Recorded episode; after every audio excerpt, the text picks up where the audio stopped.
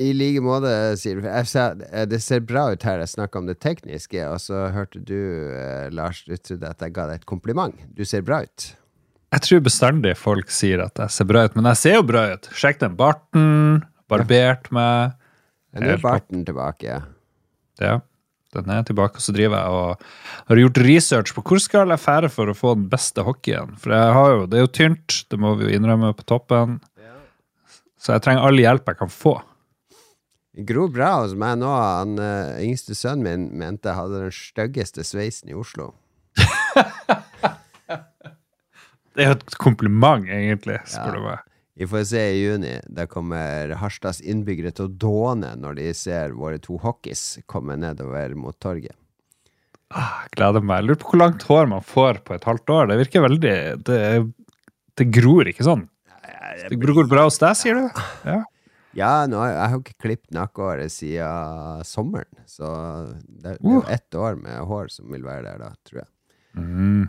Men, men, eh, vi har en ny challenge i dag som vi skal få. Den kommer senere. Først skal det jo hva som har skjedd siden sist. Og vi kan jo også tease at spillklubben er tilbake, og for en start det blir på spillklubben. Dette blir gøy. Mm. Det. Vi har faktisk spilt begge to. Det skjedde jo ikke alltid før. Nei da, nei da, nå, nå har vi jo all verdens tid, så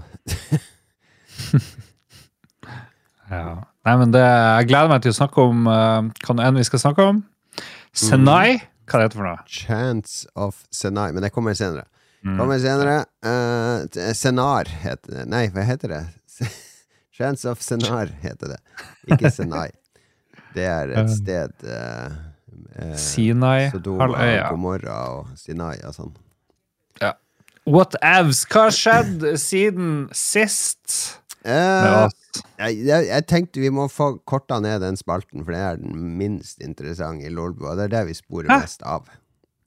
Det er jo min favorittdel av Lolbua. Ja, en gang vi kommer til de spillene, så bare faser det ut. Ja, men det tror jeg folk òg gjør. Det Nei, da, folk vil høre om spill. Herregud, det er en het debatt nå, det kommer vi til i Spill siden sist. Uh, men jeg, jeg kan La oss Jeg skal dele en, en liten ting. Um, det er jo sånn, ikke sant, hele livet våre, Lars, har jo vært på flukt eller jakt på noe annet. Ikke sant? Det er derfor man leser fantasy eller sci-fi. eh, Eller man fantaserer om 'Å, så kult hvis vi hadde vært der', eller vært en del av dette. Ikke sant? Det er eskapisme. Det er en del av livet. Det er det i større og mindre grad. Jeg føler jo at du har gått mer mot virkeligheten. Du skal, du skal lese sånne biografier og Ja. historiske ting. Og Jo da, men, men jeg snakker tilbake til når vi vokste opp. ikke sant? Da, Ja, Det var. Dungeons and Dragons og rollespill og all mulig sånn virkelighetsflukt. Uh, dataspill er jo også det, ikke sant? Og det, det er ikke noe galt i det. Men ofte, vi drømte jo ofte om fremtida sammen. Det var en av våre eh, ting vi bonda på. ikke sant? Vi elska Blade Runner. Vi elska disse eh, cyberpunk. Vi elska visjonen av denne gritty Ja, ja, framtida. Så jeg har ofte gått og tenkt på Ok, nå er vi Det er 2024. Tenk på det. Det er ikke flyende biler, og det er, eh, det er Elon Musk er liksom Han er den onde kapitalisten, har vi litt fått. Og det, av og til så prøver jeg å se glimt av hvordan så jeg for meg 2024, når jeg og Lars eh, satt i Oslo på, og var studenter og leste sci-fi og så film. Eh, og noen ganger så får jeg sånn glimt om at vi har faktisk kommet dit, til den drømmen. Og det fikk jeg her om dagen når jeg leste i avisa om eh, Det er flere sånne firmaer som nå tilbyr begravelse i verdensrommet. Altså, de kan sende opp aska med sånn der eh, fly som går helt opp i stratosfæren, eller hva det heter. Så slipper de ut aska der oppe, og da blir aska til den avdøde svevende i bane rundt jorda i evig tid. Eh, Forsøpling, vil noen kalle det. ja, det er stjernestøv, eller hva, hva enn man skal kalle det. Men eh, så er det noen selskaper som tar det litt lenger, for jeg tror det koster sånn 100 000 kroner å få sendt aska opp i stratosfæren. Men så er det noen som tilbyr for over en mill. Uh, å sende aska di helt til månen. Og da sender de hele urna uh, i, eh, med en sånn rakett opp til månen, som slipper den ut i en sånn liten capsule som lander på månen, og der blir urna di stående. Det er i hvert fall forsøpling. Ja, det er det. Og, og den avisartikkelen handla om eh, Navaho-indianerne. Eh, For for dem så er jo månen en helligdom, og de har driver og demonstrerer mot dette amerikanske selskapet som driver og sender opp urner til månen og mener det er totalt uverdig. Og da, når jeg leste den saken, så tenkte jeg dette er jo Shadowrun! Dette kunne vært en nyhetssak i Shadowrun. Ja, ja, ja. Navaho-indianerne demonstrerer mot begravelser på månen. Det er sci-fi-fremtida vår, det, Lars. Ja, for Spesielt i Shadowrun så er det jo mye sånne her eh, native tribes og, og sånne Ja, ting. ja, ja. For alle, alle mytene har jo gått i oppfyllelse. Inka-spådommer Ikke sant? og Sjaman er en klasse, og det fins jo alver og dverger. Det har vært en sånn awakening. Så det var så Shadowrun, den historien. Jeg tenkte åh, det, det her er sånn Jeg kunne ikke ha dikta opp noe mer Shadowrunsk eh, når jeg var gamemaster der. Nå begynte jeg å tenke på at ok, vi lever i en slags eh, fremtid, men jeg tror at at verden bestandig har vært litt, vært litt gal, for jeg så en dokumentar. Jeg ble bare sittende og kikke på dokumentar om dronning Victoria. Oh, yeah. som, eh, som jo ble dronning da hun var sånn ca. 20. eh, ish, 18-20 år. Den gamle engelske dronningen. Engelske dronningen i, på, i starten av 1800-tallet. Mm. Så, så holdt hun på. Hun var jo dronning i sånn 60 år, kjempelenge. Mm. Uh, under storhetstida til, til England, da de var Da de Da de var et virkelig imperie. Ja, de var, de var et skikkelig imperie. Det minner kanskje mer om, til om fancy, det, da. ja. Ja. Og, men det som var, det var at hun, um, hun Det ble ganske tidlig klart at hun skulle bli dronning, og da slo mora ned. Hun holdt henne litt sånn innelåst. Eh, og, og, hen, og, og hun var vel singel, eh, mora til dronning Victoria. Ja. Hun fikk en sånn der kjip militærdude, militærdude, kjip militærdude, og mora holdt henne liksom fanga, hun fikk aldri gå ut alene. Med en gang hun ble dronning, så slo hun seg løs, dronning Victoria, og noe av det første hun gjorde, det var å først, Noe av det første hun gjorde, det var å begynne å slenge drit. Eh, Paradise Hotel-stil Oh, ja. om at eh, han derre kjipe feltmarskalken, eh, han derre Conroy, eller hva han het, yeah. som hadde liksom passa på hele livet. Han har gjort en tjenestepike eller en dame i hoffet, gjort henne gravid, og begynte bare Hun begynte å slenge sånne, sånne Det var som sosiale medier, bare eh, hun, bare, slengte det ut, men alle skjønte at det var hun som sto bak ryktet. Og så var det liksom skandale i de høyre sirklene, for hun dama som visstnok var gravid, hun hadde bare svær kreftbyll i magen. Så folk bare tenkte Jesus Christ, Queen Victoria, må du faen meg skjerpe deg. Og sånne teite, dram dramatiske ting, det er akkurat det som skjer i dag. Eh, folk driver og baksnakker hverandre og er litt sånn umoden og driver og, og det er sånne kjendisskandaler. Akkurat det var akkurat det samme på starten av 1800-tallet. Så på mange måter så står vi helt i ro, men teknologien har kommet så langt at vi er litt sånn sci-fi da, selvfølgelig.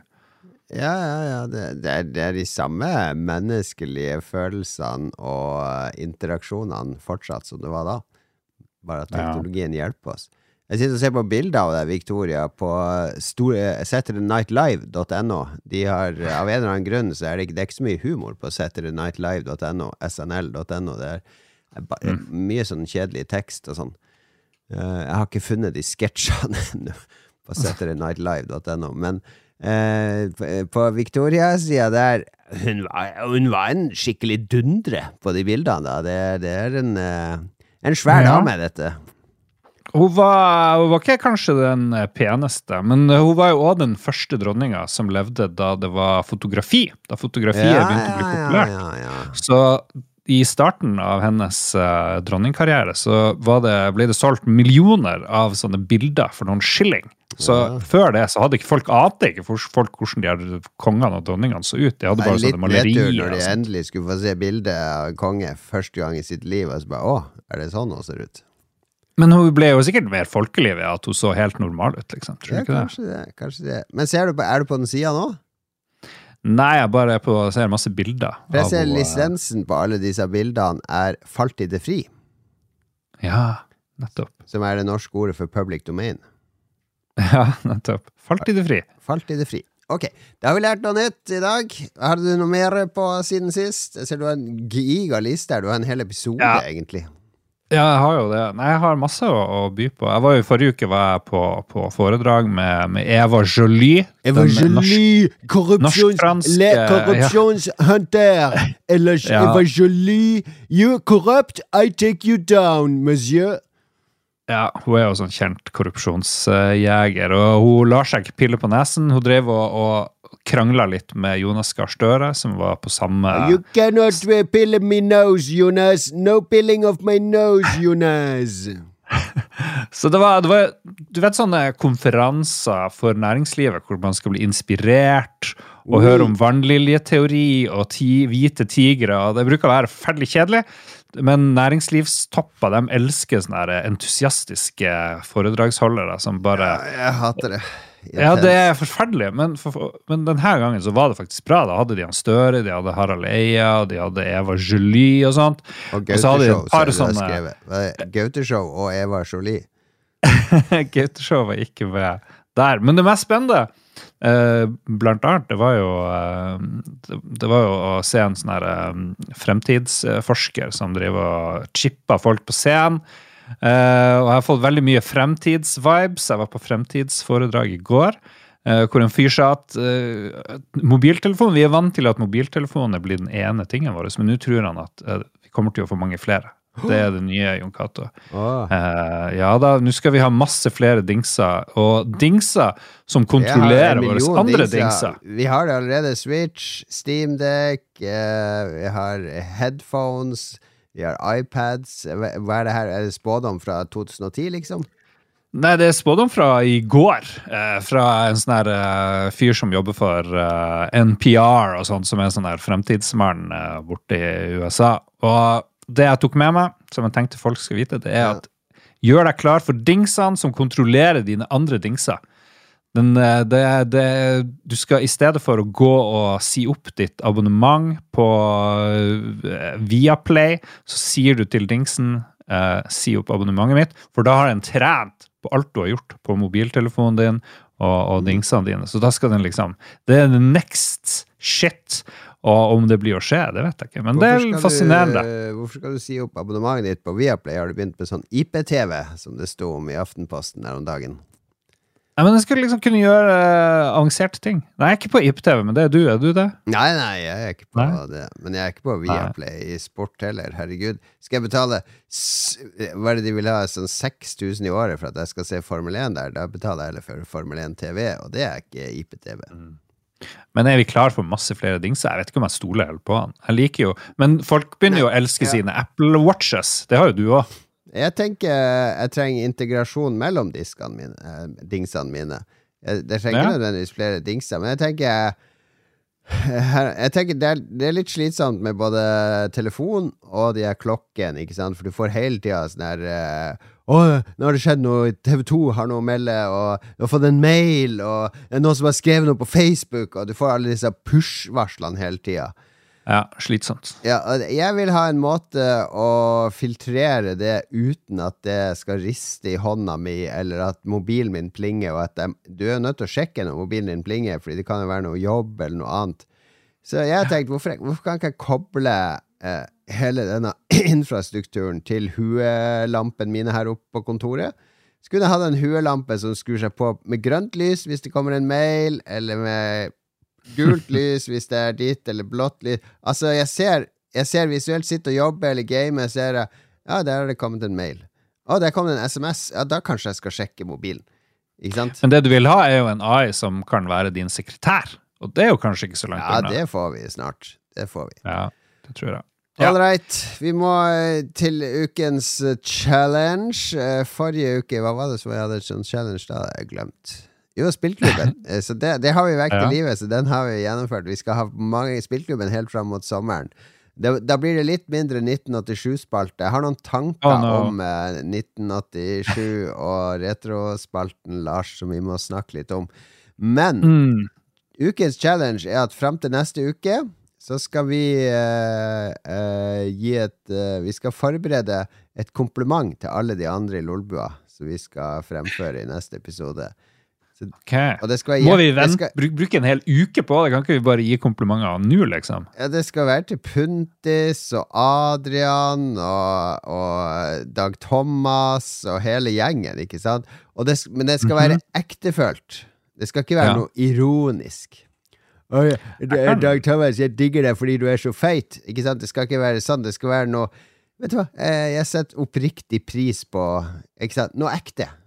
Jeg, for, jeg fortsetter den positivitetsstrømmen min fra forrige episode. Kan jeg uppe det her? At vi Ja. hver dag nå i eh, vi, begynner, vi begynner i dag, etter Ja. så sender vi um, et kompliment til en av de andre i Lolbua. Så kan vi skrive det ned, og så kan vi fremføre det neste uke. Men det er jo mye hyggeligere å, å sende det rett til folk. Det er jo ikke sikkert de hører på. Et kompliment, og kanskje en okay, dag vi skal sende et kompliment i dagen til en annen i Lolbua. Ja. Frem til neste. Ja. Ja. Det kan vi gjøre. Og så skal vi ikke si noe om at uh, Ikke sånn derre Hei, Puntis, eh, vi har sånn oppgave i Lolbat at jeg må sende et nei. kompliment. Så her får du komplimentet ditt. Du er kul. Hilsen Lars. Ja. Det skal ikke være det. Det skal, det skal bare komme ut av det blå. Ja, så, så det blir et challenge og et eksperiment, for vi må jo følge med hva er responsen, Ja. hva er det vi sier, og så sammenfatter vi det neste uke. Det Her er det lov for deg òg, kjære lytter, å slenge deg på og sende et kompliment til en venn i, i dag. Eh, send, en, send en SMS til en venn eller venninne og si at du setter pris på dem. Herregud, så glad folk blir for å høre sånt. Ja, Den beste måten å gjøre det her på, er ved å sende dickpics, Ja. Hvor, hvor, mye, hvor mange ganger tror du du får tilbake, Lars? Er du full? Skal du dø? Har du drukket? Ja, det blir gøy. Du gleder meg. er det noe galt? er jeg ute av Lolbua? Ah, Åh, dette blir bra. Dette blir bra. Dette er en god challenge, føler jeg. det, ja. Ja. Ja. Vi- Vi skal høre litt uh, Amiga-musikk.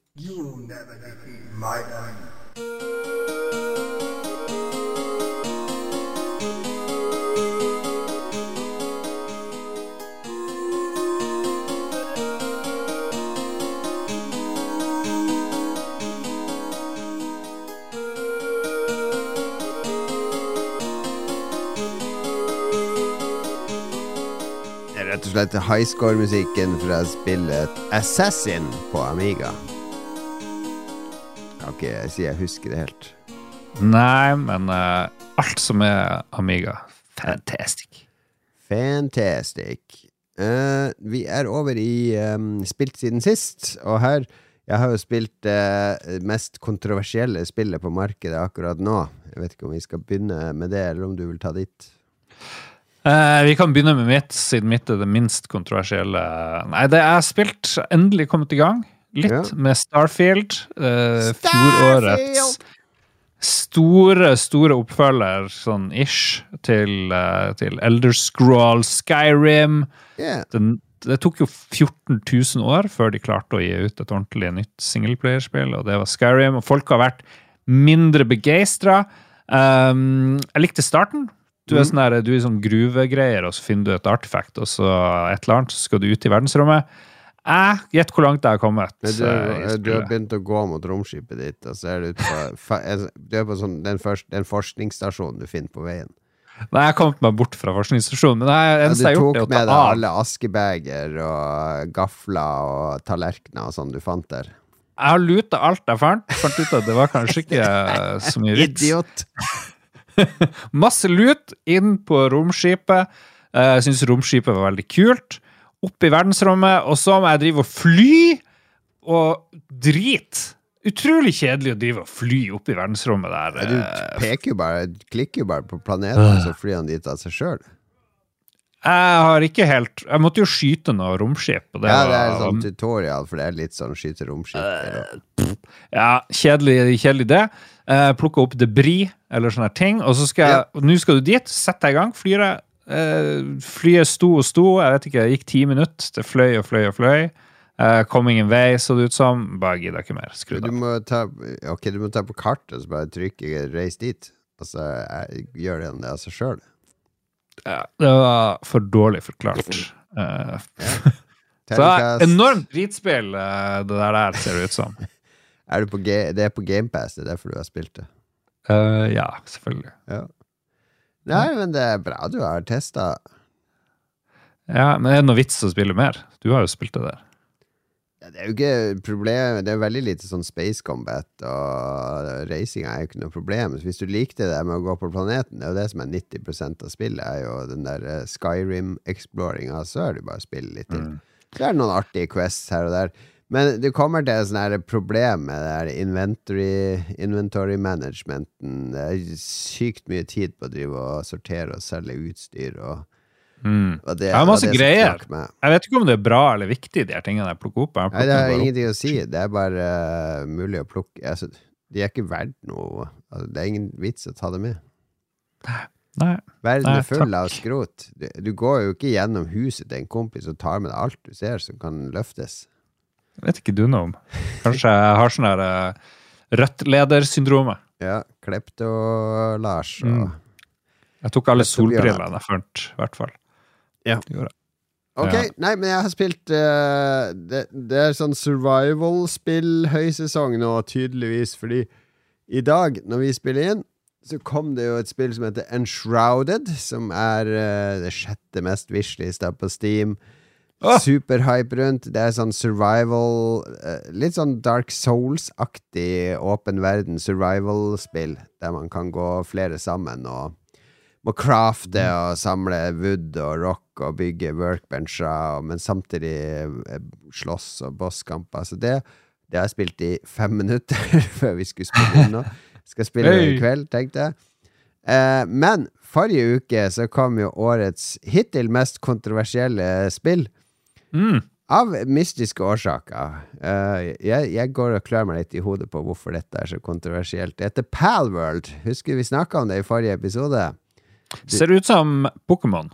Ja, Pokémon with guns er jo det fans eller en eller annen influenser har døpt det spillet.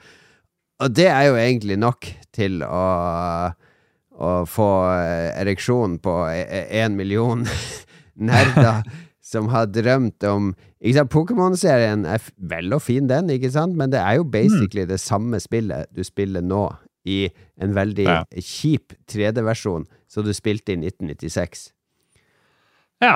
Ja. Grunnformen er nøyaktig lik, som den har vært i alle år. Det er jo ingen Det fins masse sånne der eh, homebrew Pokémon-varianter. Det fins en Pokémon MMO som man kan laste ned og spille. Altså ting som ikke er utgitt offisielt. Som folk har hacka og fiksa og la, po, blanda Pokémon med Minecraft osv. osv. Pokémon Pinball er jo det beste Pokémon-spillet. Ja, det er en spin-off, men det, det er en avsporing. Men det fin- finnes eh, videreutviklinger av Pokémon-grunnsjangeren som fans har tatt seg av. Fordi Nintendo og Gamefreak De lager jo basically bare det samme spillet på nytt og på nytt og på nytt. og på nytt Åtte gyms. Du er, du er en nybegynner, du skal velge mellom tre Pokémon. Skal gå fra gym 1 til gym 2 Det er samme spillet hver gang! Og det, det, det, har, det har en nostalgisk eh, sentimental verdi. Det appellerer til nye grupper spillere hele tida. Herregud, det har solgt hundrevis av millioner av spill. Ja. Eh, Jeg skjønner at Nintendo ikke rocker med den formelen, men det disse folka som har laga Palworld, har gjort eh, Jeg husker ikke hva det het nå. Pocket eh, Games Pocket Pair. Uh, Bitte lite japansk selskap med noen unge, eh, litt eh, Kanskje litt frekke folk. Eh, har laga et survival crafting-spill i Unreal-motoren. Der du er eh, en litt eh, stygg avatar Oi. som går rundt i en sånn åpen verden som ser ut som en Breath of the Wild, eh, og Mm. fanger masse pals. Du må crafte sånne baller, så du kan kaste på disse pælene og fange de. Og da kan du få de til å jobbe på basen din, for du bygger hus og workbencher og dill og våpen og utstyr og piler. Alt det driver du og crafter, driver og samler materiale. Samtidig driver du og jakter på disse monstrene. Eller pals. Og de kan du sette Men- til å jobbe hjemme ja. hos deg, så de kan drive og jakte og fiske og bygge og alt mulig sånn. Og du, Mm. de kan bruke de når du slåss. Og du kan slakte de og spise de. Det kan du ikke gjøre med Pokémon. Men eh, jeg tenker jo med en gang Kan Nintendo la det her passere uten å saksøke de?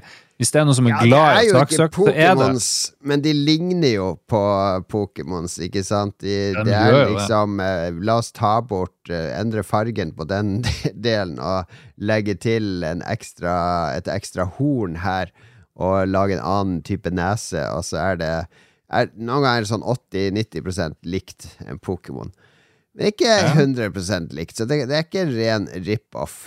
Uh, og hvis du så min tweet i dag, så eh, Det originale Pokémon Det var jo sterkt inspirert av Dragon Quest i monsterdesignet, fordi, og det har de sagt sjøl i intervjuet, at de var, de var inspirert av de fantastiske Dragon Quest-monstrene.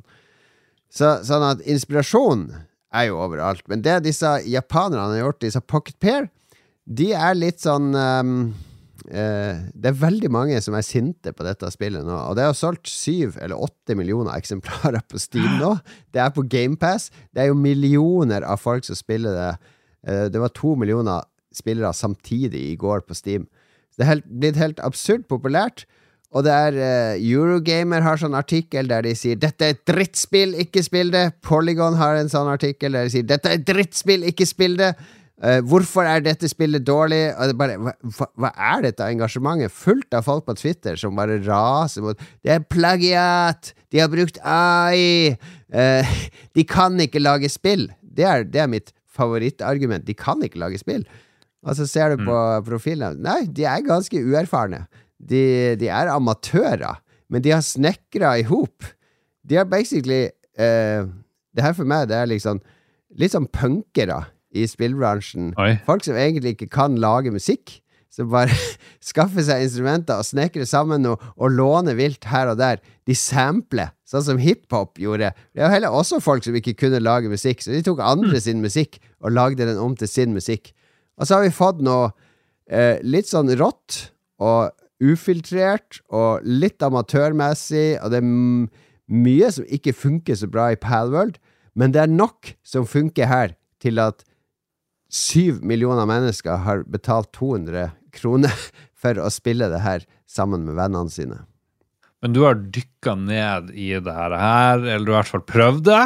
Og Ja, jeg spilte det- får du, får du lyst til å spille det sjøl mer? Eh, med venner kan jeg godt spille det. Fordi som alle sånne survival-spill, så er de dritkjedelige å spille alene.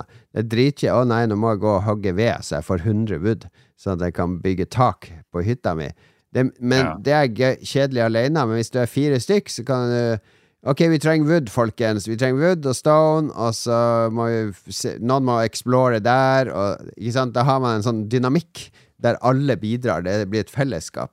Så jeg ser vår felles venn Thomas, eh, danske Thomas, eh, han, han har spilt det her siden launch. Han spiller det tolv timer dagen. Det her er helt oppi hans gate. Så det er, det er ikke et drittspill. Eh, det er ikke jeg, jeg blir helt fascinert av denne debatten på nettet, og en, en million sånne Nintendo-fans som bare Vi må beskytte Nintendo mot disse folka som ripper Nintendo sin property! Du skal beskytte verdens rikeste spillselskap, verdens største spillfranchise, mot noen kids i Japan som har snekra sammen eh, noe eh, punk-hiphop-aktig spill som låner vilt fra andre spill og lar seg inspirere av andre spill, og som vidt, så vidt henger sammen, og som er kjempemorsomt for veldig mange folk. Jeg skjønner ikke. Skjønner ikke det her. Blir det her å skli hvis det her ikke blir eh, tatt og, og sånt? Og det ser ut som Jeg tror ikke Microsoft hadde giddet å gi det ut hvis det var sånn veldig over streken. da. Det tviler jeg på. Så kanskje det her blir Det er jo ikke ikke så veldig over streken, for de har jo ikke stjålet assets fra noen, men de bruker generiske assets, og de bruker De har ikke noe sånn eh, enorm, fantastisk artstyle, ikke sant, og det også stryker folk mot hårene, fordi spill skal være fin kunst! Det skal være Det skal være Altså, det, det, det er et eller annet med at de bare har gjort spill til noe veldig sånn basic, primalt. De, de appellerer til noen primalbehov vi har, som er det er pleasing å bare samle ressurser og bygge og ha en jevn flyt og progresjon. Og that's it. De har ingen ambisjoner utover det. Og det, det er det som folk driver og reagerer på, at uh, hobbyen min har nå blitt redusert til noe helt sånn basic idioti. Men det har den vært hele da tida. det det her, det, her, peker jo på at det har blitt for lett å lage spill, vil noen si. Ja, det blir jo lettere og lettere, men det er ikke lett det disse har fått til. Så det er å underkjenne òg at det ligger en masse innsats bak å få laga det her. For det, det Og det A, det er ikke lett å få det til. B, det er ikke lett å få syv millioner til å gi deg 200 kroner for å spille det du har laga. Så det, det, det hadde ikke skjedd hvis det ikke hadde vært noe her. Hvilket spill er det vi skal kopiere og, og eh, bli rike på? Eh, Når vi skal gjøre det samme. Det spørs. det spørs Men uh, jeg, jeg står opp for uh, Palworld og Palworld sin rett til å eksistere, og uh, så kan heller uh, Rockstar og Remedy og Nintendo og disse store gigantene drive og saksøke hverandre. Fikk med deg det Rockstar har saksøkt Remedy? Ja, på grunn av logoen. Ja, og De de har en R. R i logoen! Øh! Det er jo den, det er jo den verden disse idiotene driver og forsvarer. Det er den verden der Sega prøvde å patentere en firebutton, så ingen andre skulle kunne lage spill som bruker en knapp til å sky... Det går ikke an å stå og forsvare disse storselskapene. Vi heier på punkerne. Få punkerne opp og frem. Disassemble alle spill og lag de om til nye spill. Ok, jeg venter Jeg skal spille Palworld, men jeg venter på NTSC-versjonen. Jabbadu! Jabbadu, jabbadu. Ok, ok. Nok Palworld. Eh, kontroversiell mening. Eh, vi bruker ikke ord eh, som begynner på B og slutter for fakkel. Men Brannfakkel! Nei, nei, nei, nei, nei!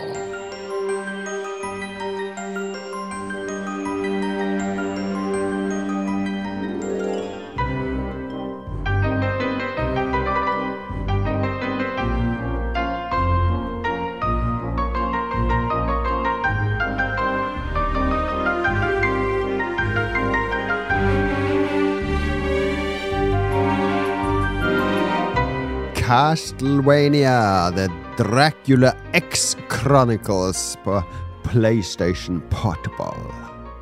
Mm. Ja, koselig. Koselig stemning. Ja, det er vel ikke en, en Dance heter den låten.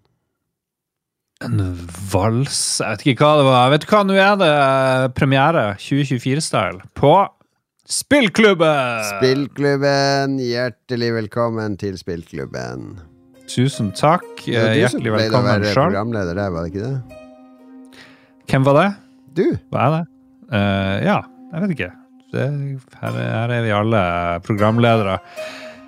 Vi har spilt Chants of Senar, som du har funnet fordi du fant en liste over de beste, ifølge noen, uh, indiespillene i, i fjor.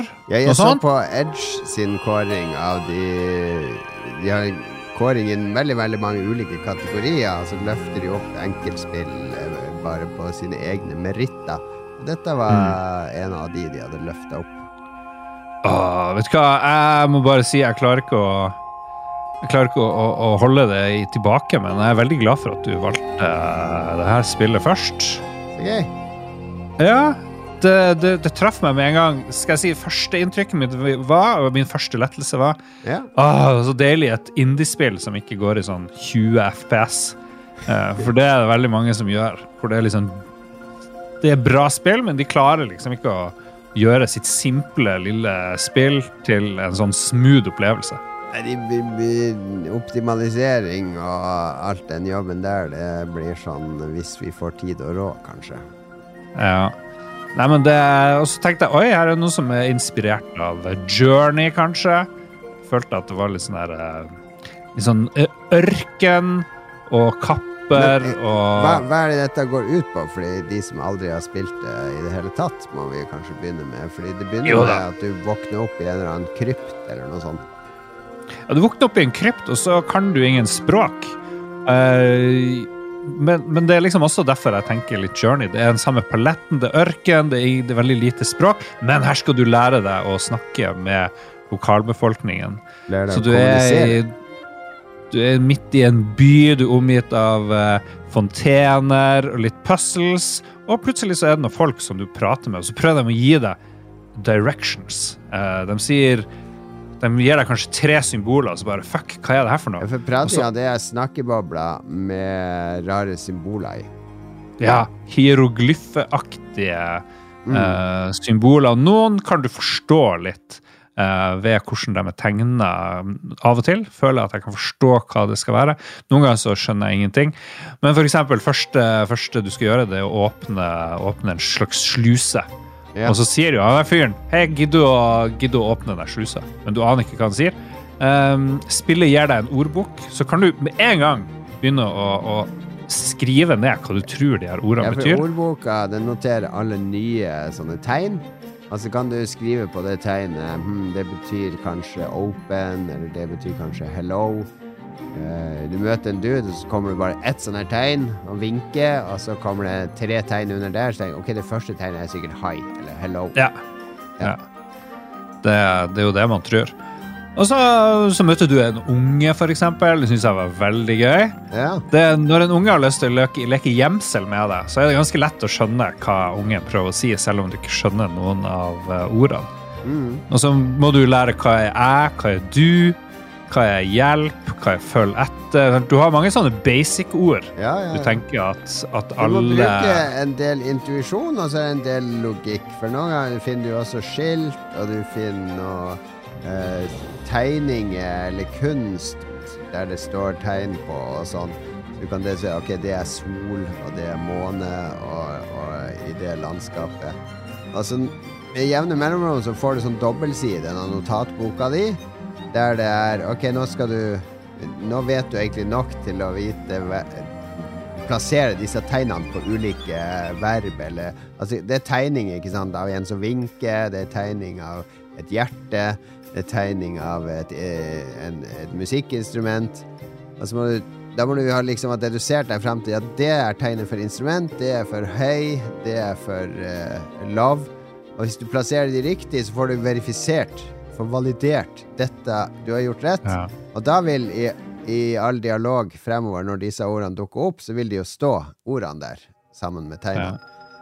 Det er veldig gøy, for det er både en sånn um, eh, Det er puzzle på mange måter, da. Eh, Det ene er sånne logiske puzzles. Pek og- klikk. Ja, Ja. pek og klikk. Kombiner items, men så har du hele tida det her å forstå verden og forstå språket, som er en sånn ny ting som jeg aldri har opplevd i et spill før. Mm. Og så er det Jeg vet ikke om du spilte forbi eh, første nivå, eh, men eh, det, det er jo basert på Det er et tårn. Et gigantisk tårn du skal bevege Ja. opp i. Det er inspirert av Babels tårn. Som for de som kjenner myten, så var Babel er vel en myte om eh, et folk som mista språket sitt, ikke sant? Eh, De bygde et sånt tårn for Ja. høyt. Ja, de skulle prøve å nå Gud. Ikke sant? De bygde tårnet opp for å nå Gud, og så straffen ble at de ikke klarte å forstå hverandre. Altså språket deres forsvant. Ja. Jeg må si to timer. Jeg har ikke spilt noe særlig mer. Det forsvant i en fei, fordi det er veldig avhengighetsskapende å, å forstå ting og lære ting Mm. på denne her måten. En god Så- mestringsfølelse. Så Nei, vi, jeg spilte mye mer enn det, for, ikke sant? for jeg kom Når du kommer til level 2, så er det nytt skriftspråk. Eh, fordi i level 1 så møter du mange innbyggere som bor i bunnen av tårnet, og interagerer med de, og det er tydelig at det er noe Tårnet blir vokta av noen sånne vakter, og det mer så du sikkert også på Ja, ja. første nivå, at de prata et helt annet språk. Det var helt andre Ja. skrifttyper. Og det, Du nevnte det med skrifttegn, at man kunne dedusere seg litt fram i det. Fordi? Det er sånn samme grunntegn for et menneske, men så er det litt annerledes hvis det er en prest, og så er det litt annerledes hvis det er en warrior. Og Mm. Veldig smart designa, de skrifttegnene. Men Ja. i level 2 så kommer du forbi de krigerne, og da er du inne i innafor de portene. Og der er det bare krigere som prater et helt annet språk. Så da må du begynne å dedusere deg der. Og over level 3 så kommer du opp til en hage, og det er helt sinnssykt vakkert. Altså, det er et stort steg opp fra det det var. Det er eh, litt sånn gulfarga, det føles skikkelig som Syden. Og der vrir de Det elsker jeg når jeg kom dit, fordi der eh, Nå tenker jeg ok, nå er det et nytt språk, Da er det bare å begynne å, å pushe sammen på nytt. Men nei da. Nå er det åpenbart sånn arabisk-inspirerte tegn. Og så er grammatikken helt annerledes. I stedet for sånn vestlig grammatikk, ikke sant, som er subjekt og, og verb og objekt. Jeg tar boka. Så er det nå boka jeg tar. Altså, det er objektet først. Mm. Og så er det Ja. sånn der uh, hjelpetegn hvis det er benektelse eller ikke. Hvis det starter med kolon, så, så er det et spørsmål st som stilles, og sånne ting. Så da ble det en helt ny eh, type språklig logikk å begynne å dedusere og pusle seg fram til. Og da fikk jeg Fordi på level 2 så tenkte jeg at dette Ok, det skal være sånn seks leveler med akkurat det samme. Men da fikk jeg sånn helt ny giv når jeg kom på level 3 der. Du som en sånn puzzlemann, det her skjønner jeg jo er midt i blinken. Jeg har jo også blitt litt glad i sånne puzzles. Eh, Du tipsa jo om det her puzzmo.com, som man driver og styrer med hver dag. Så jeg tenker jo at det er veldig sunt å utfordre hjernen på litt sånn annen måte. Og ja, prøve å, å, å ja, gjøre nye koblinger i hodet. Det føles ut som du, du Ja, det, jeg tror det er veldig sunt å Mm. spille det her spillet òg. Så skal jeg ønske at de gjorde det samme med f.eks. et språk du hadde lyst til å lære. Dette er jo genialt eh, for hvordan du kan gå rundt og lære å huske spansk eller et eller annet rart. Det er jo bare å putte inn det i stedet Ja, det for de her tegnene. Det eh, er kjedelig hvis du kan spansk. Det er veldig kjedelig. ja. Kanskje du, du kan få en AI til å putte Hvilket Ja. språk kan du ikke? Så, så tilpassa. Ja, ja, det, det er Nei, men det, hvis vi skal dra det tilbake til kulturproduktet, så det jeg liker her Puzzmo er fint, ikke sant? Enkeltpuzzles og sånne ting er fint. Men det som er hele ramma rundt Chance of Scenar, er jo altså For det må du gå og gruble hele tida og, og finne ut av språk og ord. Men jeg føler at jeg besøker en annen kultur, for det du hele tida lærer om, er hva er denne kulturen? Hvor er det jeg havna? ikke sant? Hvorfor er det det er profeter som skal lede folket til et eller annet? Og det er disse krigerne som er ganske brutale og sperrer de av. Eh, Det er myter her. Alt dette, det spinner du Altså, når jeg går rundt og utforsker, så er det det er ganske minimalistiske omgivelser, men det er mer enn nok der til at jeg føler at jeg er på besøk i en helt fremmed kultur. Og blir Ja. mer og mer sånn innlemma og forstår mer og mer av kulturen underveis. Jeg syns det her var, var et ufattelig bra spill å starte spillklubben med. Og jeg tror nesten alle kan, kan synes det her er litt gøy, for det er ikke sånn Det er ikke walking simulator, det er hele tida noe som skjer. Eh, de her språkoppgavene er ganske kort. Mm. Og så har du liksom blanding av, av eh, vakre miljø, fin musikk, puzzles og på ulike måter. da, Språkpuzzles, fysiske puzzles og, og noen sånne weirde datamaskiner jeg har bortkommet borti. Jeg aner ikke hva det er for noe. Kan jeg teleportere deg? Ja, Hva er det som skjer? Heisa eller tele teleportmaskiner. Ja, det er mye. For de som ikke vil ha alt forklart. Det er jo noen som vil ha alt forklart i sine spill. Det her er ikke for deg. Men hvis du liksom liker å være sånn drukna i litt sånn mystikk, og at ikke alt blir forklart med en gang, det, det er perfekt. Drukna i mystikk. Vi har fått uh, en som har venta lenge på at spillklubben skal komme tilbake, er jo vår uh, faste bidragsyter Trygve. Uh, han kalles bare for Fetthesten på, på discorden vår. Men han uh, ble kjempeglad når vi var tilbake, og har sendt inn et bidrag. La oss høre på det, Lars. I Chance of Scenario styrer du en anonym person som eh, har et oppdrag å bestige et tårn. Underveis vil eh, den personen møte ulike folkeslag etter hvert som du kommer høyere opp i tårnet. Eh, du må lære deg og så må du tolke språket de snakker, og bruke de til å løse enkle oppgaver. Noen ganger så må du plukke opp ting, ta det med til et annet sted, gjøre noe med det. Så det føles litt sånn old school på en måte som en gammeldags pek og klikk-eventyrspill. Uansett så er det et spill som er veldig pent. Det er veldig enkel grafisk stil, sånn sett. Det er eh, enkle 3D-modeller og sånne, men er, de har lagt på en veldig kul estetikk som minner om franske tegneserier. På sånn eh, skraveringseffekt på skyggene, som blant annet, som gjør at det ser veldig sånn stilisert ut. Og det ser, effekten, det ser veldig bra ut. Estetisk er det kjempefint. Musikken er veldig flott. Eh, Noe av musikken minner meg om musikken fra Near, første spillet i serien som også har Near Automata.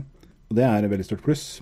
fra meg i hvert fall. Uansett, når du spiller, så er det mange av de samme mekanikkene som du finner i andre deduksjonsspill. Og da tenker jeg først og fremst på Case of the Golden Idol og Return of the Obra Dinn, som er to av mine favorittspill. Og Chance of Scenario er veldig i samme gata. Så allerede er det jo et veldig stort pluss her. Det som eh, jeg liker godt med de spillene, er det at eh, du har denne gode avslappa stemningen, hvor du kan liksom lene deg litt tilbake, tenke litt, pusle litt, utforske, prøve forskjellige ting, kanskje la det ligge litt, og så komme tilbake igjen, så aha, sånn var det, vet du. Dette er samme greia. Du får en sånn journal med alle orda du har hørt eller lest. Og så når du har samla ord som inngår i et sett, så får du illustrasjoner som eh, du skal fylle ut. Illustrasjonene illustrerer da et eller annet konsept, og så må du sette inn riktige ord. Og så, hvis du har rett, begynner språket som folka snakker, og det du leser, begynner å bli mer sammenhengende setninger. Så fram til du har skjønt orda, så kan du ikke forstå i det hele tatt hva folk sier. Og så etter hvert som du forstår litt, så forstår du bruddstykker osv. Så, videre, og så, videre. så det er eh, liksom gradvis utforsking og prøving og eh, deduksjon. Da. Det som er det definerende følelsen med det her deduksjonsspillet, syns jeg er at du får det der øyeblikket hvor du tenker at aha, nå skjønte jeg det, og nå føler jeg meg innmari smart. Eh, Jeg syns aldri Chance of Snar kom helt dit. At du fikk de der øyeblikkene der hvor du liksom Aha, nå, nå klikka det skikkelig her. Fordi at det er liksom gradvis alt. Men eh, det er ikke dermed sagt at det er noe stort tap, egentlig, for det er et veldig tilfredsstillende eventyr-puslespill. Det som på en måte er gleden i det spillet, her, er det jo bare den prosessen med å avkode språk og liksom klare å tenke litt og hva kan det ordet bety, og, og så ser du det brukt i én kontekst, og så ser du kanskje i en litt annen kontekst, og ja, da må jeg gjøre om på antakelsen min. Det, altså, det er en god følelse i seg sjøl. Og så er det, jeg synes det var veldig artig å utforske kulturen til de ulike folkeslaga du møter. Det er eh, veldig sånn markante forskjeller på de, og så ser du at språket henger selvfølgelig sammen med kulturen. Så det er eh, veldig tydelige skiller når det kommer til et nytt sted. Så er vi over på det jeg ikke helt likte. Det er eh, det at eh, språka er veldig like. Det er eh, Tre av de er egentlig variasjoner på samme konsept, og så er det ett som skiller seg litt ut. Det, var, det som skilte seg litt ut, var det jeg syns fungerte best. For det hadde litt mer preg av å være et kunne vært et ekte språk. Mens de andre er veldig sånn hva skal jeg si, basic. Det er veldig lite variasjon i syntaksen på dem. Og jeg kunne ønske meg det at det var litt mer sånn at uh, istedenfor bare at ordet kommer i en litt annen rekkefølge, så er det det at ordet har egne funksjoner som endrer de ordene som kommer etter eller før, eller sånne ting. Og det er veldig begrensa hvor mye sånn variasjon det er i det. Så det er liksom litt sånn, når man er litt språknerd, så er det litt skuffende, men det er nok bare meg som er litt sær. En annen ting jeg ikke var like fornøyd med, det var eh, at det er en del snikeseksjoner i spillet, altså hvor du må unngå å bli sett. Og det, noen av de var helt greie, mens mange av de bare var irriterende. Det var liksom, hvorfor skal jeg gjøre dette her? Det er jo ikke noe hensikt. Og så er det det at når du kommer mot slutten av spillet, så du tenker liksom hele tida at historien er, eller handler om noen konsepter som du har klart for deg, og så skal de selvfølgelig ha inn noen flere konsepter på slutten. Og det er ikke at det er gærent i seg sjøl, det heller, men eh, jeg syns det kunne vært løst på en annen måte. Det var liksom Det, det ga liksom ikke så mersmak. Men altså, det som skal sies, er det at eh, grunnen til at jeg kritiserer spillet, er jo fordi at jeg likte det så godt at det som jeg ikke likte like godt, trer veldig tydelig fram. Jeg syns jo det at eh, det, er bra at vi har Dette er blitt en sjanger nå, nesten deduksjonsspill. Og for jeg liker de veldig godt. Og det er eh, spesielt når det er med ord og språk og sånne ting. Det er, syns jeg er helt knall. Så gjerne mer av dette her. Kanskje uten snekeseksjoner. Anbefales veldig til de som liker å pusle litt. De som liker tankevirksomhet, eventyrspill, utforsking og spill som ikke er sånn Altså, det, du blir ikke straffa for å mislykkes i Chance of Scenario. Det er, altså, du må prøve igjen. Det er det eneste. Så dette er et fint spill å spille sammen, f.eks.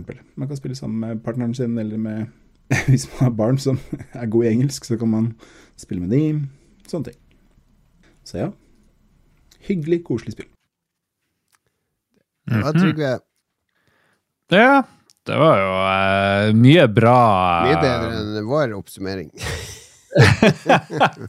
Han var jo litt kritisk òg, Ja, ja, ja, ja. Vi er to ukritiske gamlinger som sitter der. Nei, men jeg ser, jeg ser jo de samme poengene um, han sier, og jeg, jeg også nevnte jo det med hvor friskt det var å få det der eh, andre språket med litt sånn andre, annen syntaks. For jeg trodde ok, nå blir det bare sånn resten av spillet.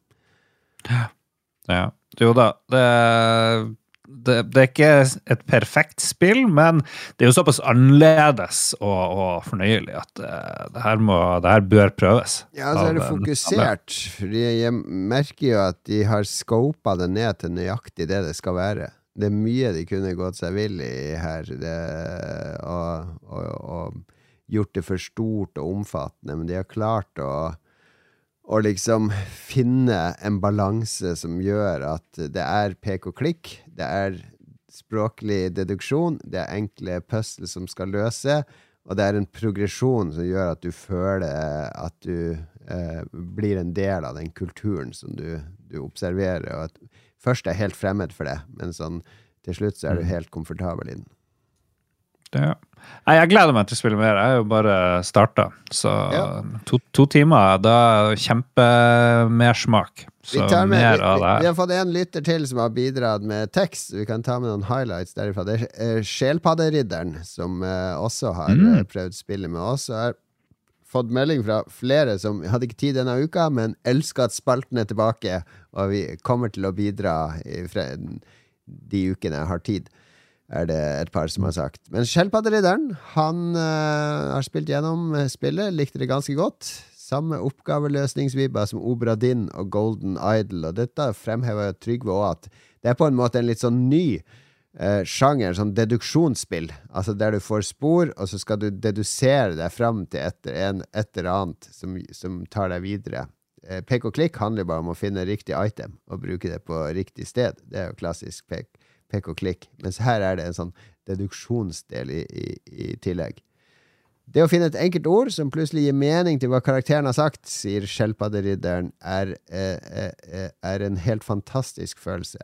Og han setter veldig pris på at spillet bygger mye på hvordan det å ha forskjellig språk gjør at man kan få et helt malplassert bilde av hverandre. Uh, ja, det, det er jo en artig tolkning uh, av konfliktene som er i spillet. Ja, det er jo et styrketegn at man begynner å assosiere og tenke og få litt, litt perspektiver utover bare selve spillet, tenker jeg. Det kjenner jeg meg igjen i. Ja. Skjellpadderidderen har noen tekniske issues. eh, at det ble, det ble litt vanskelig etter hvert for han. Og så litt krokete med hvordan du beveger det. Uh, Mus-tastatur var ikke helt presist alltid. Men likte det godt, og anbefaler det. Og det gjør vel vi òg, Lars? Absolutely. Absolutt. Vi anbefaler dette varmt. Eh, nå er du vel spent på hva vi skal spille til neste uke? Ja, når får jeg lov å bestemme noe her? Det Du skal få bestemme neste gang. Jeg må bare sørge for at, at barnet går på egne ben før du får lov å leke med det. Ja ja, vi får se. Greit. Jeg er klar. Hva er det vi skal spille? Vi skal, det er et kritikerrost spill som kom i fjor, som heter Season A Letter to the Future. Det er både på PlayStation og på PC, Uh, og handler om uh, en uh, ung dame på sykkel eh, som skal reise og fotografere og uh, tror jeg eh, mimre, rett og slett. Det ser veldig, veldig indie ut, men det har fått veldig god eh, kritikk.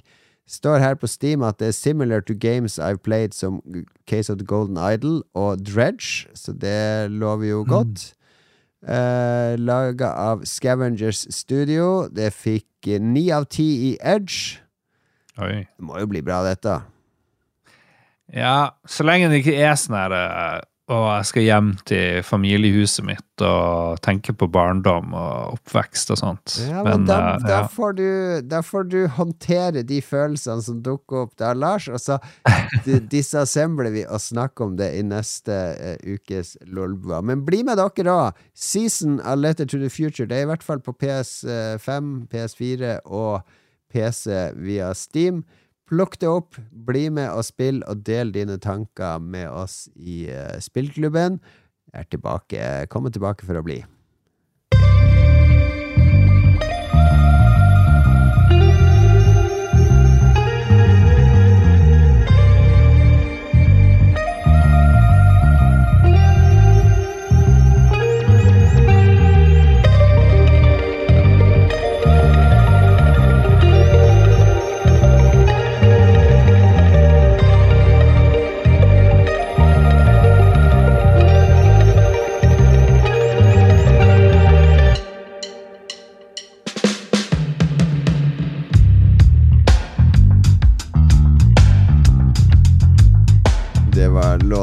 Låten 'Sunshine' fra spillet um, Desta.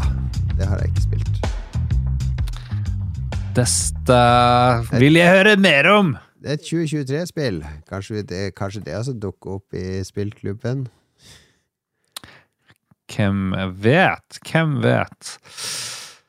Ah, Nå blir, det- nå blir det mye spilling fremover, føler jeg. Det Ja, ja, ja, kanskje er blir litt gøy? Jeg, jeg syns det var gøy å ha et sånt spill som jeg vet at jeg skal, vi skal snakke om sammen. Det, Jo da. det blir en annen Det- ramme på det da. Det er som da jeg var i eh, forfatterstudiet, hvor vi måtte skrive noe til hver samling. Da, da ble det plutselig gjort. Det hjelper med deadlines. Det er det som er mitt poeng. Oh yes. Vi har eh, bare én spalte igjen, og det er anbefaling. Vet du hvilken spalte vi har glemt i januar? Det er jo tom, Eh, spillene som kom i Ja, januar. Tommel opp Ja. ned trailer, så vi får ta den tilbake i februar, da, når Mats er tilbake. Ja. Så har vi noen lytterspørsmål fra forrige uke. Ja, de kan vi rekke å ta, men det er anbefaling først. Ja, Og ja, du kan jo ta hele Norges nye kjæledegge.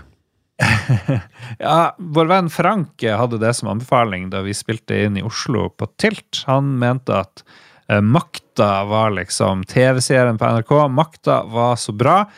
Og jeg slet litt i starten med Makta.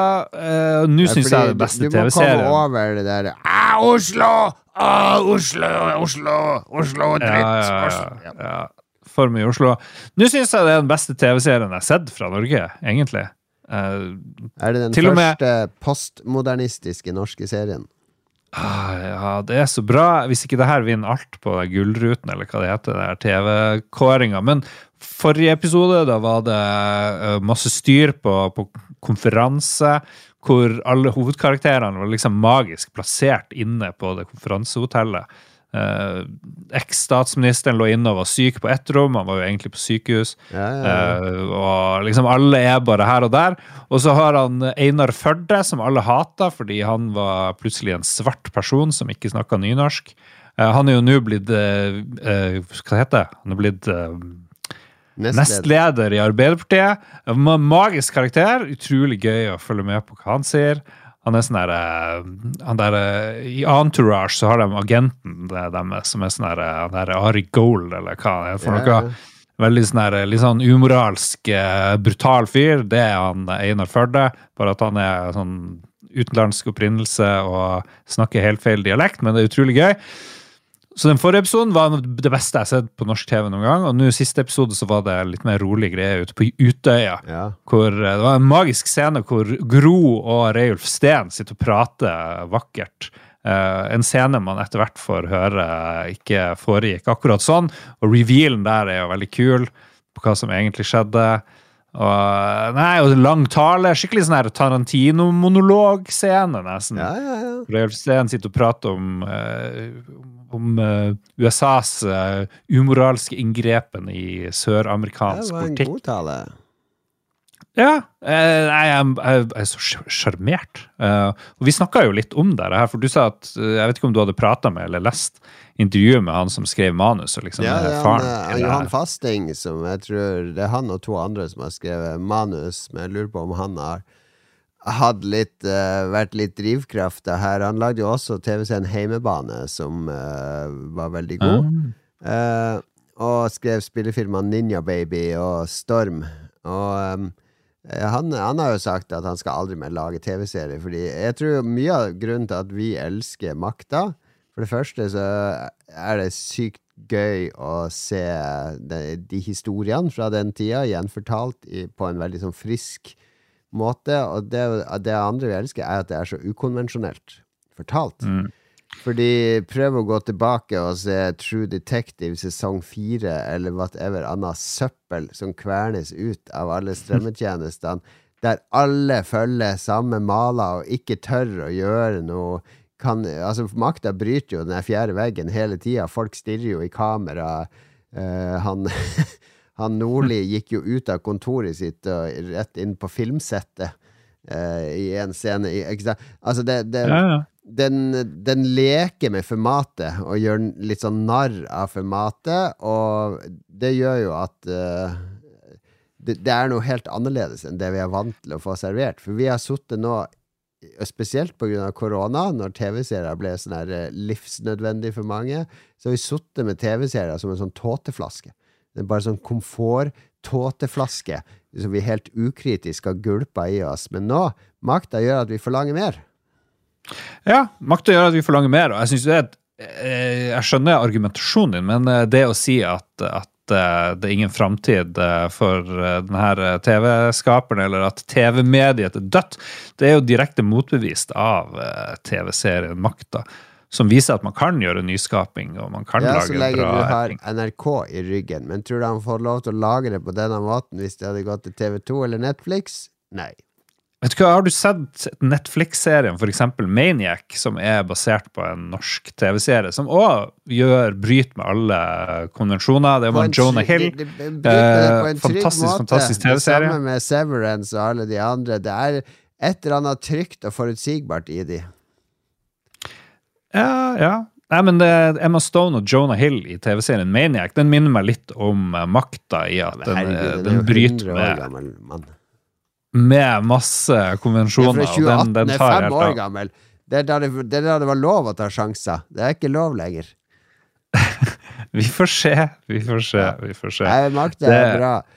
Jeg skal ned, dra oss ned i noe superkommersielt, eh, altså noe helt annet enn Mm. Noe som er mye mer eh, strømlinjeforma. Fordi eh, jeg, jeg, jeg liker ikke å kalle det guilty pleasure, men jeg, jeg liker å lese sånne litt vanlige krim- og spenningsromaner innimellom. Det gir meg av og til et lite kick, og av og til så er det bare veldig deilig i påskeferie og sånn. og Mm. og jeg er jo litt jeg er mett på fantasy, det sliter jeg med. Sci-fi leser jeg fortsatt en del. Fantasy, det klarer jeg ikke. Uh, men en sånn her krimgreier forfatter som heter Adrian McKinty fra Irland, han skrev en bok som heter The Chain, som er eh, et eh, veldig artig premiss, fordi du kommer hjem en dag, og der er dama di, og så Eh, ungen din kommer ikke hjem fra skolen. I stedet så får du sånn brev. Det ligger et brev i postkassa med 'Jeg kidnappa ungen din'. Eh, innen ti dager må du kidnappe en unge og sende bilder av den ungen og ditt og datten og sånne krav, så slipper ungen din fri. Så det er sånn Premisset for den boka, som nå blir en film, er det er sånn kjedebrev-kidnappingsgreier med at folk blir gærne hvis ungene blir kidnappa. De drar og kidnapper en annen unge, tar bilde av den, og så får de ungen sin tilbake. Så er det, det er en loop, da. Du må sende kjedebrevet videre. Mm. Og den, den, er, den er god. Var den han slo igjennom og ble kjempekjent med. Så da, og det, Jeg leste jo den boka nesten i én sitting, og det, det var sånn. Dette er ganske trashy, men det er så sykt godt skrevet Altså, det er så spennende skrevet at det er umulig å ikke begynne på et nytt kapittel når ett kapittel er ferdig. Det var cliffhanger på cliffhanger på cliffhanger. Ble, Den nye Da Vinci-koden. ja, det var veldig, veldig den følelsen der jeg fikk av den boka. Så når han kom med en annen bok som heter The Island, som er basically uh, Mad Max møter Deliverance møter Da Vinci-koden. Eh, altså, det handler om en familie som blir stuck på en øy i uh, Australia med en gæren familie. Og det er den, den boka jeg tenkt Det er to år siden, eller ett år siden jeg leste den i fjor da den kom. Jeg har tenkt så mye på den boka siden, fordi jeg husker nesten hele boka. Eh, fra A til Å, av en eller annen grunn. Og det er trash! Det er egentlig trash, men det er så fengende godt skrevet trash, og den kommer garantert til å bli en eller annen eh, terningkast tre eh, Netflix-film en eller annen gang, den boka òg. Men uh, ta heller og les Adrian McKinty The Island hvis du vil ha en skikkelig sykt spennende og ganske basic uh, bok som uh, får deg til å bry deg, rett og slett.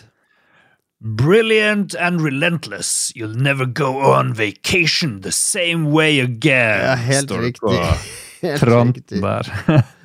Og så står det også, soon to be a Hulu original series. Hurra, Jon! Det blir en TV-serie. Ja, ja, ja. ja men når jeg leser både den og The Chain, når jeg leste de, så er det sånn disse er, Dette er bøker som er skrevet De er, de er så lett å plukke opp. For de er Altså, det, noen bøker er bare uh, basically manus for uh, TV-serier og filmer. Men ja, jeg deler min Takk. ikke guilty pleasure. Min ærbødige pleasure. Adrian McKinty. Ja. Sweet, sweet, sweet. Ja, kjempegreier. Skal vi ta eh, kjapt noen eh, lytterfråger? Gjør det, da, hvis du Ja. må. Jeg husker ikke helt hvor vi var i forrige uke, da vi var eh, Carl Pedersen spurte oss hvordan fremtidens spillkonsoll så ut. Det snakker vi om. Eh, det var mye debatt. Kommer det en ny spillkonsoll? Alle spillkonsoller er kjedelige. Norvegicus Galeicus Delirius eh, spurte er den eneste som ikke orker å kjøpe nye spill pga. all skuffelsen de siste årene. Snakka vi om det? Uh, han gidder ikke å kjøpe spill. Han nevner Diablo 3, The Witcher 3, Elden Ring, Cyberpunk, og det er liksom Det er det han holder på med, tydeligvis. Ja. Um, han eh, Nye spill. Jeg vet ikke. Vi har jo nettopp hatt spillspalte hvor vi har løfta frem et amazing nytt spill, Norvegicus, og det kan du prøve deg på. altså, Du kan Chance. jo prøve å hive deg på, på de. Det er jo ikke sikkert du finner spillgleden igjen, men det er jo hvis, eh, Jeg har også vært på Jeg har også spill som jeg spiller om og om igjen, i perioder. Men det er perioder. Mm. Ja Nei, jeg, de som syns at det ikke finnes gode spill, de, leter på feil plass, tenker jeg. Eller så må de ha en pause. Det, Ja. det er noe der. Tror det. Ja. Ehm, per Søvik, har vi det gøy i nord når all trafikk står i stampe i sør etter 20 cm nysnø? Uh, er det ferdig, da? Er det snø? Ja, Helvete, nå er det bare Nå, nå er det jo fire-fem grader og eh, regn, så det er jo så sykt glatt. Så nå står jo alle ja. biler og busser på kryss og tvers overalt. Og, Ja. ja. Mye, mye styr.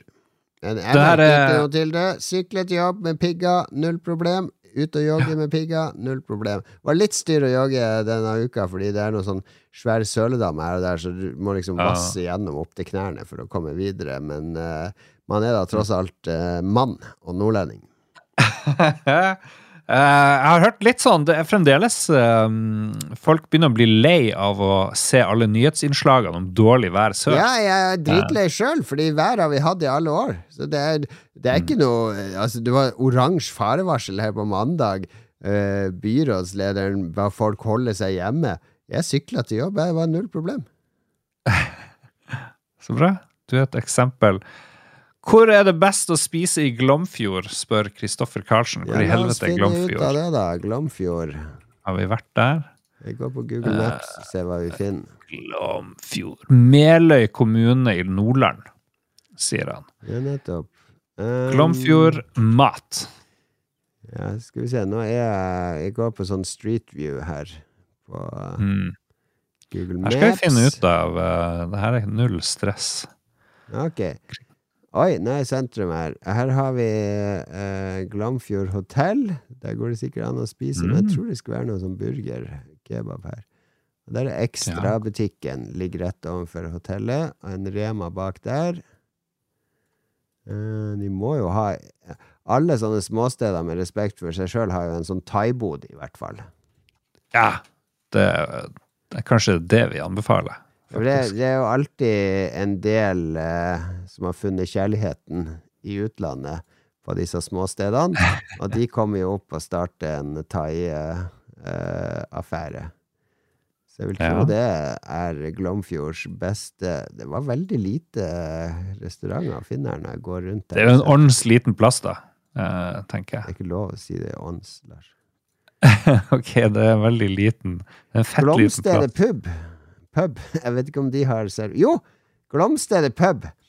Hvis du går på Google Street View og gl glom, går ned på Glomfjord, og så finner du Glomstedet pub, så er det Der har de burger og kebab, og der står det også en sliten ung mann på, på 20 år rett utafor og venter på maten sin. Og, og ser med store øyne etter Google-bilen som kjører forbi. Hva i faen gjør den bilen her i Glomfjord, tenker han. Et magisk, magisk bilde. Jeg må nesten ta skjermbilde av det her. Det er 1089 innbyggere i Glomfjord. Det er ikke store greier, altså. Eh, I september 1942 var Glomfjord kraftverk eh, arena for sabotasjeaksjonen Operasjon Muskedunder. Tolv kommandosoldater fra England, Canada og Norge ble satt i land av en fransk båt og skulle gjøre sabotasje mot Glomfjord kraftverks bla, bla, bla. Ja. Artig. Sånn, nå legger jeg ut bilde i, eh, i vår, på vår discord i chatbua. Anbefalt spisested i Glomfjord. Hmm. Eh, ja, nei, men det er bra. Kom gjerne åtte av de sånne her tolv sabotørene på Operasjon Muskedunder blir tatt av tyskerne og henretta ved nakkeskudd. Hadde jeg vært i militæret og blitt bedt om å være med på en op operasjon muskedunder, da hadde jeg nekta. Bare fordi på grunn av navnet. Og da kunne jeg finne på et bedre navn. Det, hva, hva, hva var operasjonen som kom etter det? Operasjon eh, Tønner og krutt! Altså, det, det, bruk den fantasien. Altså skal operasjonen skal også Navnet skal jo være litt sånn undercover. At hvis noen finner ut at det er en operasjon, så skal de ikke skjønne at det er en militær operasjon. Må jo kalle det for noe sånn Operasjon måke, eller Operasjon snøfall, eller noe sånn litt misvisende. Muskedunder, det er sånn Et våpen? Dette må være et angrep på gang! Ja, um, Operasjon Transistit. Det ble faktisk Great Garlic Girls ble resultatet av Operasjon transvestitt, som de kjørte i, okay. på 80-tallet. Vi må takke produsentene våre, Lars. Oh yes! Hvordan skal vi takke dem? Med muskedundere, eller? Nå eh, jobber jo vi på Glomfjord pizza og kebab, så kommer, kommer, kommer disse for å handle hos oss. eh, de er faste Mm, kunder, ikke sant? Så nå Å ja, det er han Duke Jarlsberg som kommer. Ja, du skal ha den vanlige kebaben din, Duke, med ekstra mye smør. Eh, Kebab med smørøye skal bli, eh, Duke. Hei du, Christer, du vet det var Operasjon Muskedunder her. Nå skal jeg fortelle deg. Det var 1942. Nei, der gikk Christer Lysaker. Ha det bra. Kong Hong, Kong Hong, kom inn. eh, Skal jeg forberede spesialmilkshaken til deg med to skvetter rom og to skvetter whisky sammen med banan og vaniljeis. Vær så god, Kong Hong. Hallo, Bjøslo. Er du her i Glomfjord, du òg? Jeg har ikke sett deg siden videregående. Det jævla græla kjekt. Er du singel, eller hva? Det var det vi eh, rakk denne gangen, Lars. Ja, short and sweet. Alle episoder må ikke være kjempelang. Nei, de må ikke det. De må ikke det. Jeg tror folk blir lei av oss av og til. Ja, ja, ja. Tror du det er noen ja. som er lei av de nye vi lager, sånn at de bare hører på episode 100 til 150 på nytt og på nytt og på nytt? Sånn som han Norvegikus Gallicus spiller spill. ja, det tror jeg. De hører kun uh, frem til Magnus slutta. Oh yes, vår høytid. Nei, vi er ferdig. Uh, spill, husk spillklubben uh, neste gang. Sleng deg med. Bli med på vår discord. Og nå kan du gå inn i chatbua på discord, så skjønner du hvorfor jeg la ut bilde av uh, Glomfjord pizza og kebab. Takk for oss. Vi høres igjen neste uke. Ha det bra!